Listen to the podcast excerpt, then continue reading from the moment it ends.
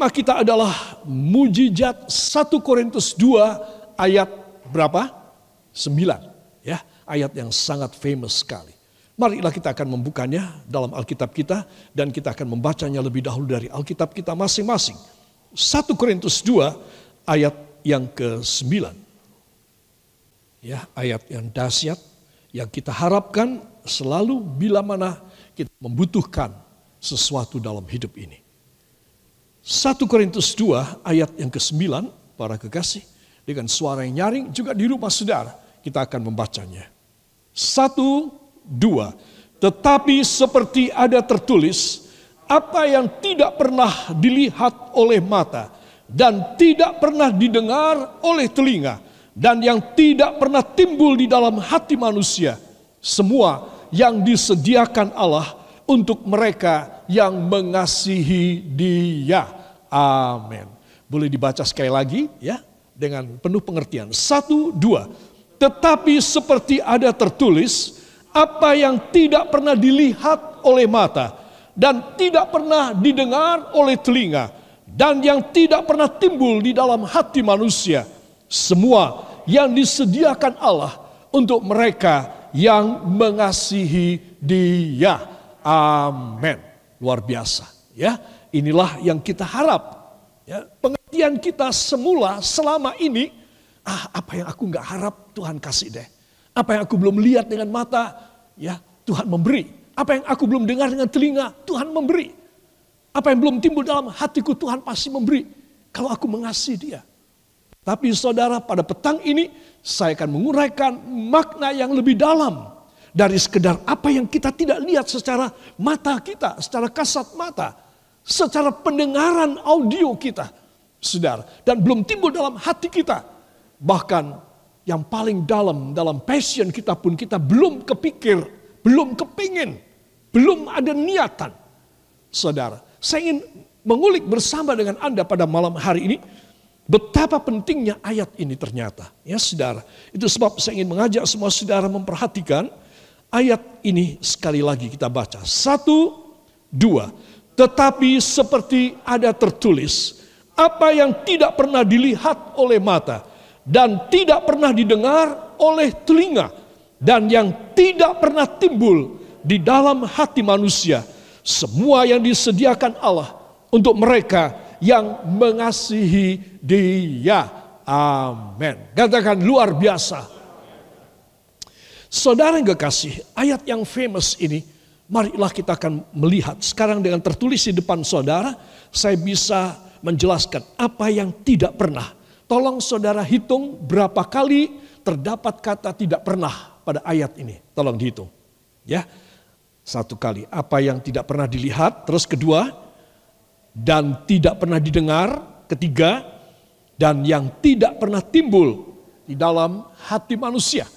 Terus ada tiga kali tidak pernah. Dan kita hidup terus tidak pernah. Saudara, jangan pikir aku belum kepikir Tuhan memberi. Saudara, tapi kita benar-benar tidak pernah terima. Saudara, ini jelasnya. Ya, ini faktanya. Jadi ayat ini sering kali menaruh kita membuat kita penuh dengan harapan. Tuhan, iya Tuhan, apa yang hamba tidak pernah lihat, tidak pernah pikir, tidak pernah dengar, engkau sudah sediakan buat hamba. Sampai mati cuma begitu saja. Tetap tidak pernah. Bagaimana saudara? Maukah saudara meninggal dunia dengan tetap tidak pernah menerima apa yang belum saudara lihat, apa yang belum saudara dengar, apa yang belum timbul dalam hati keinginan hati saudara sampai mati tetap tidak pernah. Mau apa tidak? Ya, katakan pada samping Anda, Anda mau enggak? Gitu. Jawab. Ya, ini persoalan gede loh saudara. Seringkali kita cuma berharap, ya Tuhan, apa yang hamba tidak pernah pikir dan tidak pernah kelihatan, tidak pernah hamba dengar, engkau pasti memberi kepada hamba. Namun tetap tidak pernah sampai mati. Itu sebab ini kita harus perhatikan. Kenapa ini bisa terjadi dalam hidup kita.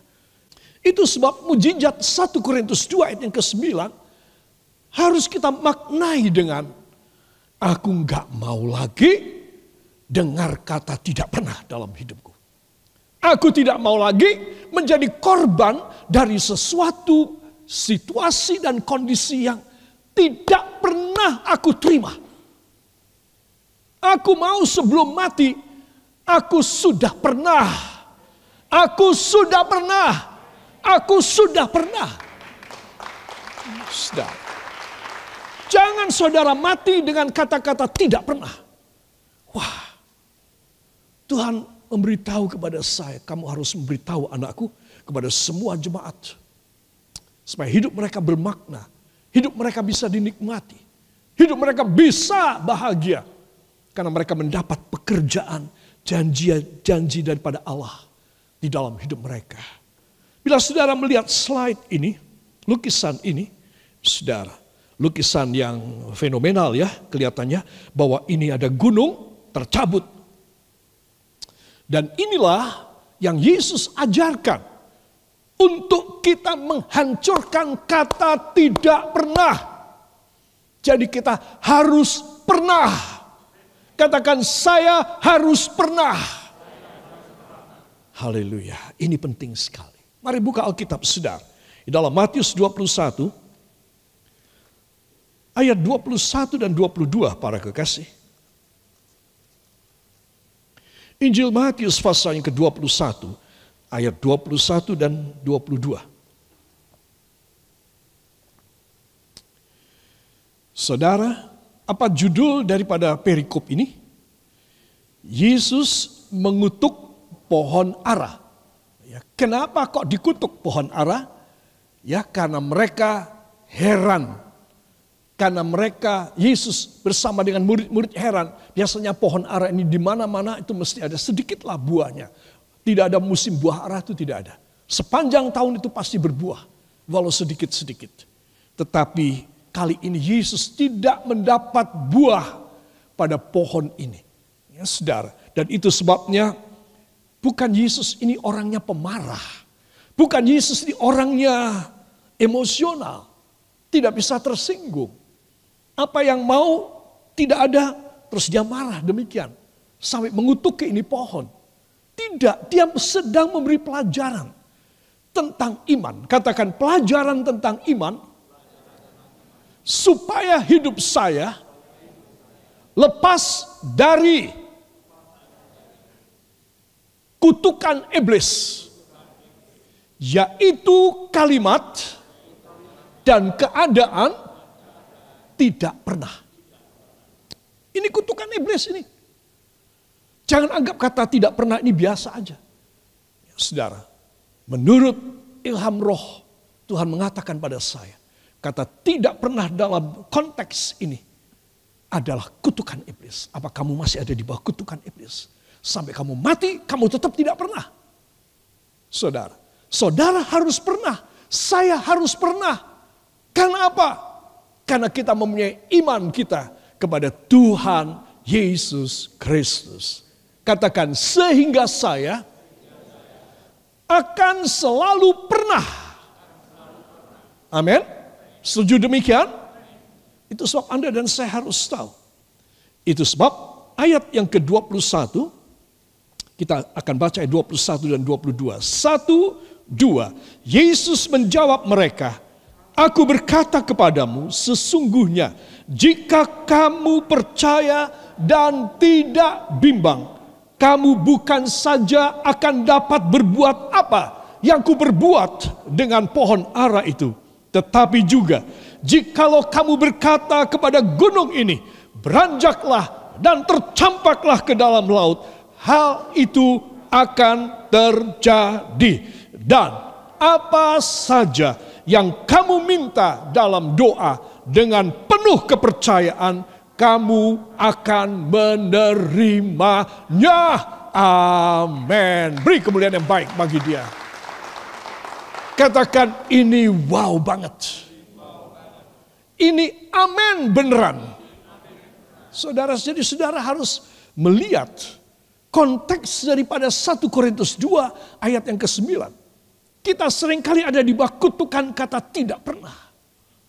Tuhan berbisik kepada saya, itu kutukan iblis. Kata tidak pernah itu kutukan iblis. Kamu harus pernah. Kamu harus berulang kali. Kamu harus berlangganan. Kamu harus menembus semua batas-batas di mana iblis akan mengkerangkeng kau dan ingin mengisolir kamu daripada pekerjaanku yang luar biasa. Itu sebab Yesus berkata dalam Matius pasal yang ke-21, 21 dan 22.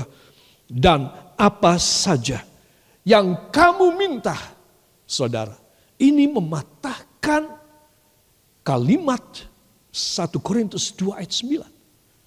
Dan apa saja yang kamu minta, Ya, di dalam doa dengan percaya kamu akan menerimanya.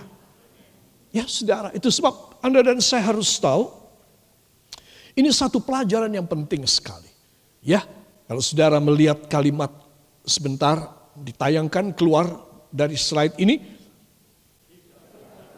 ada berapa kali tidak pernah? Ada tiga kali. Saudara. Jadi ini tiga kali tidak pernah ini menunjukkan kepada nasib yang jelek daripada anak-anak Tuhan. Ya, saudara. Sehingga tidak terjadi sama dia.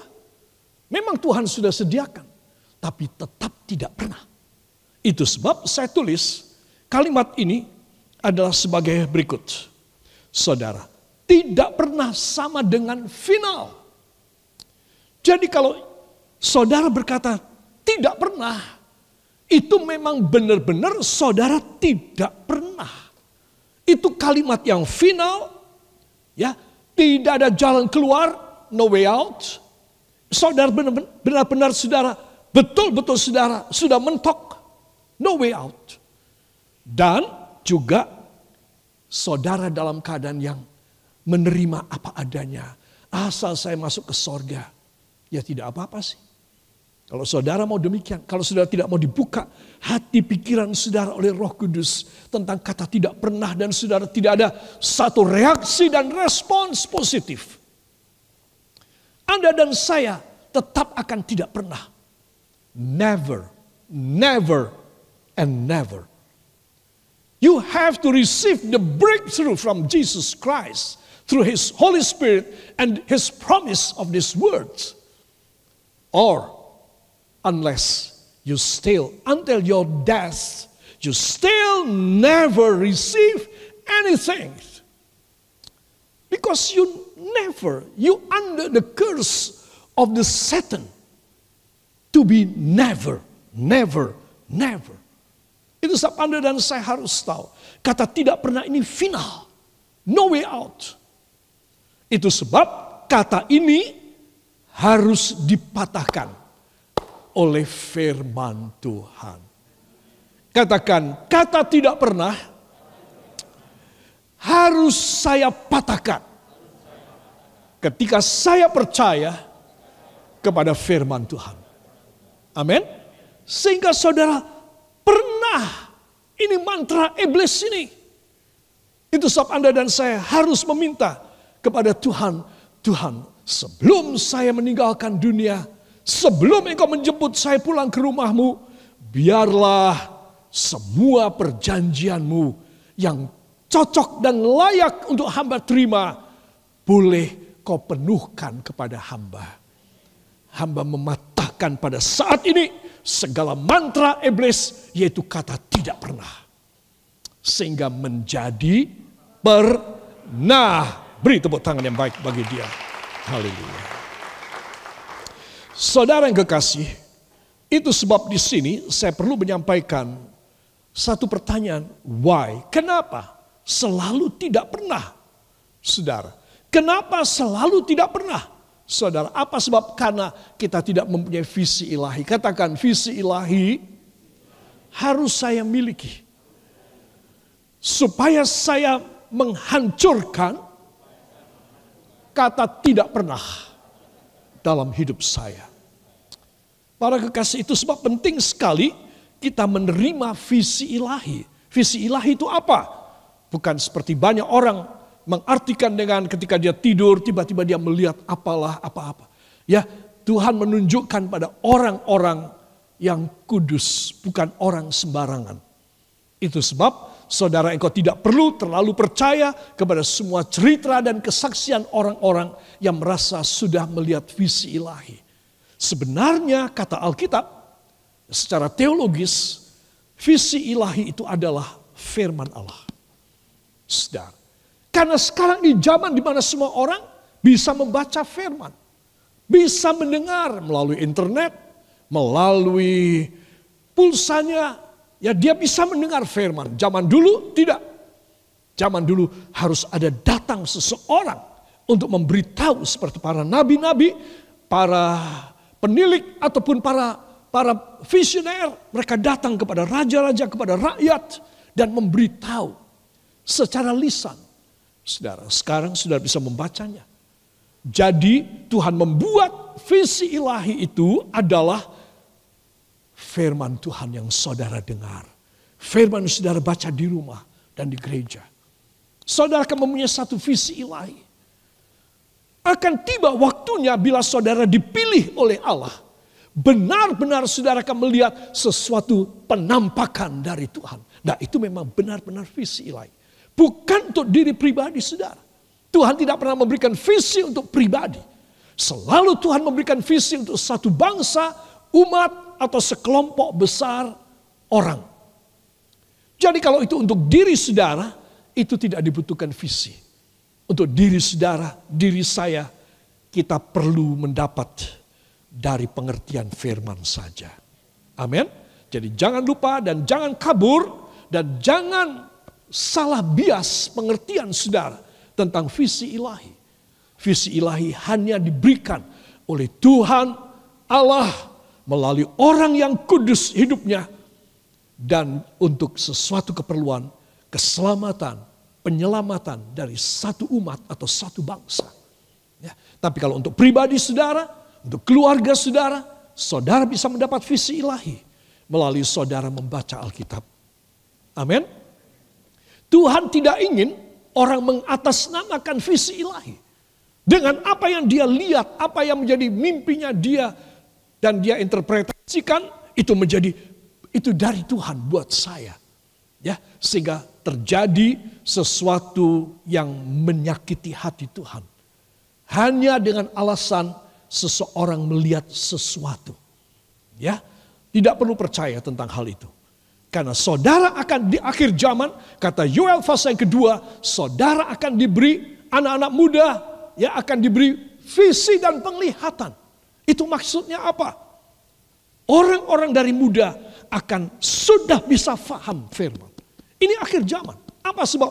Saya katakan tadi melalui internet, melalui Google, searching, ya, dan kemudian orang bisa uh, mencari firman, mencari pengertian teologis. Orang bisa mengertikan kata sesuatu kata dari bahasa aslinya. Dia tidak perlu pergi ke sekolah teologi. Saudara, dia dengan duduk dengan internetnya dia bisa tahu apa maknanya. Itu dia mendapat visi lain. Membuka pikirannya. Saudara, itu sebab zaman ini saya dan saudara sebenarnya kalau mau mudah. Katakan mudah untuk saya mematahkan mantra iblis ini. Yaitu tidak pernah. Saya akan selalu pernah dalam nama Yesus. Amin. Haleluya. Saya berharap sampai di sini saudara bisa faham dan bisa menerima ya. Dan ini penting sekali. Supaya mujizat 1 Korintus 2 ayat yang ke-9 benar-benar terjadi. Tuhan hamba mohon supaya apa yang tidak pernah kau beri kepada hamba menjadi pernah. Karena hamba mempunyai visi ilahi. Yaitu pengajaran firman Tuhan. Sekali lagi beri tepuk tangan yang baik bagi firman Tuhan. Haleluya. Para kekasih, itu sebab apa idealnya seorang anak Tuhan dong? Ya, dia harus menerima, dia harus pernah. Saudara, jadi apa idealnya seorang anak Tuhan? Ya, saudara, sering kali kita mempunyai banyak cita-cita, ya saudara, tetapi itu tidak pernah terjadi. Nah, jadi seorang anak Tuhan, dia harus mempunyai visi ilahi, supaya dengan visi ilahi, dia menjadi anak Tuhan yang sesuai, yang ideal. Ya, sesuai idealisme daripada Alkitab. Ya, sehingga apa yang Tuhan sudah canangkan dalam hidup saya, apa yang Tuhan sudah program dalam hidup saudara, terjadi. Itu artinya kata terjadi itu berarti mantra iblis tidak pernah akan engkau patahkan. Engkau mempunyai terobosan ilahi. Amin. Siapa yang suka? Lambaikan tangan saudara. Katakan terima kasih Bapa. Hamba percaya sisa hidup ini akan menikmati apa yang tidak pernah menjadi pernah sesuai kehendak Tuhan dalam nama Yesus. Amin. Haleluya. Para kekasih, kita harus memiliki hidup yang worry free. Katakan bebas khawatir. Berkat lancar. Saudara ingin? Ya, saudara harus worry free. Saudara tidak boleh di dalam tekanan batin saudara. Aduh Tuhan, hamba ini belum bisa bayar, ini belum bisa beli, ini belum bisa sekolahkan anak, hamba tidak punya tabungan untuk hari depan ataupun untuk hari tua. Saudara, karena engkau tetap mengidolakan 1 Korintus 2 ayat 9 secara salah. Sehingga sampai mati kau tidak dapat. Tetap tidak pernah. Itu sebab kita harus mematahkan segala hal yang membuat kita tidak pernah menjadi pernah. Katakan menjadi pernah. Berulang kali pernah menerima visi ilahi dan pemberian-pemberian dari Tuhan pada sisa umur hidup saya. Amin. Haleluya. Saudara, worry free dan berkat lancar itu pasti menjadi idealisme kita, ya, keinginan kita, harapan kita, ya, keturunan kita, saudara, orang tua kita, kita menaruh harap tentang hal ini. Dan kedua, bugar dan happy. Nah, saudara, semua orang tidak mau menukar kebugarannya, kesehatannya dengan uang, dengan harta benda, tidak mau. Saudara, orang berusaha supaya dia bugar, supaya dia happy, dan kemudian secara rohaninya apa? Dia harus bertambah, tambah, tambah. Ada berapa plus di sana? Tiga. Katakan bertambah, bertambah, bertambah. Untuk mengalahkan tidak pernah, tidak pernah, tidak pernah. Pada sisa hidup saya. Amin. Ya. Para kekasih itu sebab Hal yang kedua adalah bugar dan happy. Saudara, saya yakin saudara mencarinya. Orang mencoba untuk bagaimana caranya dengan bersemedi, tinggal di gua, ya dengan dengan resiko diterkam binatang buas ataupun dipatuk ular yang berbisa, tetap aja orang mau. Kungkum di pertemuan arus air sungai dengan laut, bahaya sekali itu saudara. Bahaya sekali. Tapi orang menyambung nyawa. Konon dengan mereka melakukan demikian, ritual-ritual demikian, mereka bisa mendapatkan happiness, mendapatkan kuasa kesaktian, mendapatkan berkat yang lancar, mendapatkan kebahagiaan dalam hidup mereka. Semua katakan bohong. Ya, sekarang jadi ketika saya bilang apa, saudara jawab bohong. Saya bilang apa, saudara jawab bohong. Siap? Konon kata orang kalau dia kungkum di mana di pertemuan arus dan dia bisa mendapatkan kesaktian. Jemaat kok berani yang jawab. Pendetanya khotbah wani. Kemudian konon katanya kalau dia mengadakan ritual apa, sesembahan apa, ya bunga setaman, bunga sekiai langgeng, eh, maka dia akan hidup dengan kaya raya dan luar biasa. Ya, baru di jemaat ini pendeta khotbah dibantah. Ya. Bohong apa beneran? Bohong. Jadi saudara membutuhkan sesuatu yang beda. Sesuatu perjanjian Tuhan yang tidak bohong. Firman Tuhan tidak bohong. Ya dan amin. Haleluya. Saudara itu sebab saudara harus tahu perubahannya orang menerima firman dalam hidupnya. Itu sebab anak-anak Tuhan perhatikan. Apa yang dibutuhkan. Idealisme yang saudara inginkan. Itu saudara harus mulai menemuinya melalui visi ilahi. Katakan melalui visi ilahi. Barulah saya menjadi pernah.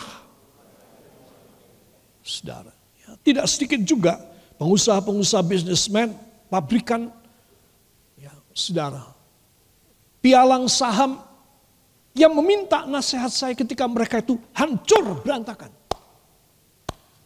Orang Kristen, saudara, belum pernah saya ketemu atau sebagian sudah saya ketemu. Tetapi ketika mereka itu mendengar firman dan mereka percaya kepada firman, Tuhan memulihkan keadaan mereka. Sudah to, sudah hancur, harus masuk ke penjara, tidak bisa bayar, habis semua dilelang. Saudara, menjadi barang tidak berharga semua harta benda mereka yang mereka unggulkan menjadi barang yang murahan. Kalau dilelang mau apa? Tetapi Tuhan memulihkan dalam tempo yang singkat. Cuma sekarang adalah apakah seseorang kalau sudah menerima pertolongan Tuhan, dia bisa dipercaya apa tidak? Itu masalahnya. Saudara, ada seorang bapak, ya, pabrik ini saya tidak perlu sebutkan, sesuatu pabrik ini komoditas yang yang yang sangat butuh masyarakat. Saudara, sudah bangkrut, saya doakan di kota Semarang. Datang ke sini, minta doa, sudah bangun kembali. Eh, dua tahun lagi, datang lagi. Dan dengan kisah yang sama. Saya bilang, kemarin kan Tuhan sudah tolong. Tuhan sudah bangkitkan kembali pabrikmu. Sudah bisa produksi, bisa ekspor. Ya, tapi sekarang saya to lagi. Saya jatuh lagi. Saudara, saya bilang, saya akan doakan. Ayo, percaya. Tuhan akan buka jalan. Tuhan buka jalan. Mulai lagi. Ya, bisa ekspor, dia punya komoditi. Saudara. Eh, satu kali dia telepon saya. Tolong Pak Pendeta. Saya mau dipenjara. Loh, kenapa? Karena pabrik saya tutup dan utang saya banyak. Saya bilang kalau begini caranya, memang Anda harus bertobat. Saya tidak mau mendoakan sekali lagi. Kecuali janji sama saya. Engkau bertobat, baru saya akan doakan. Jadi kalau orang itu sudah menerima pertolongan Tuhan, saudara, dia harus menjaga dirinya. Karena dia sudah pernah mengalami perbuatan Allah yang hebat, yang dahsyat. Engkau dan saya harus tahu bahwa Tuhan itu memantau hidup kita. Katakan Tuhan memantau hidup saya. Jadi saya harus bertanggung jawab kepada Tuhan. Supaya seumur hidup saya, saya dimuliakan. Yang mau beri tepuk tangan bagi dia.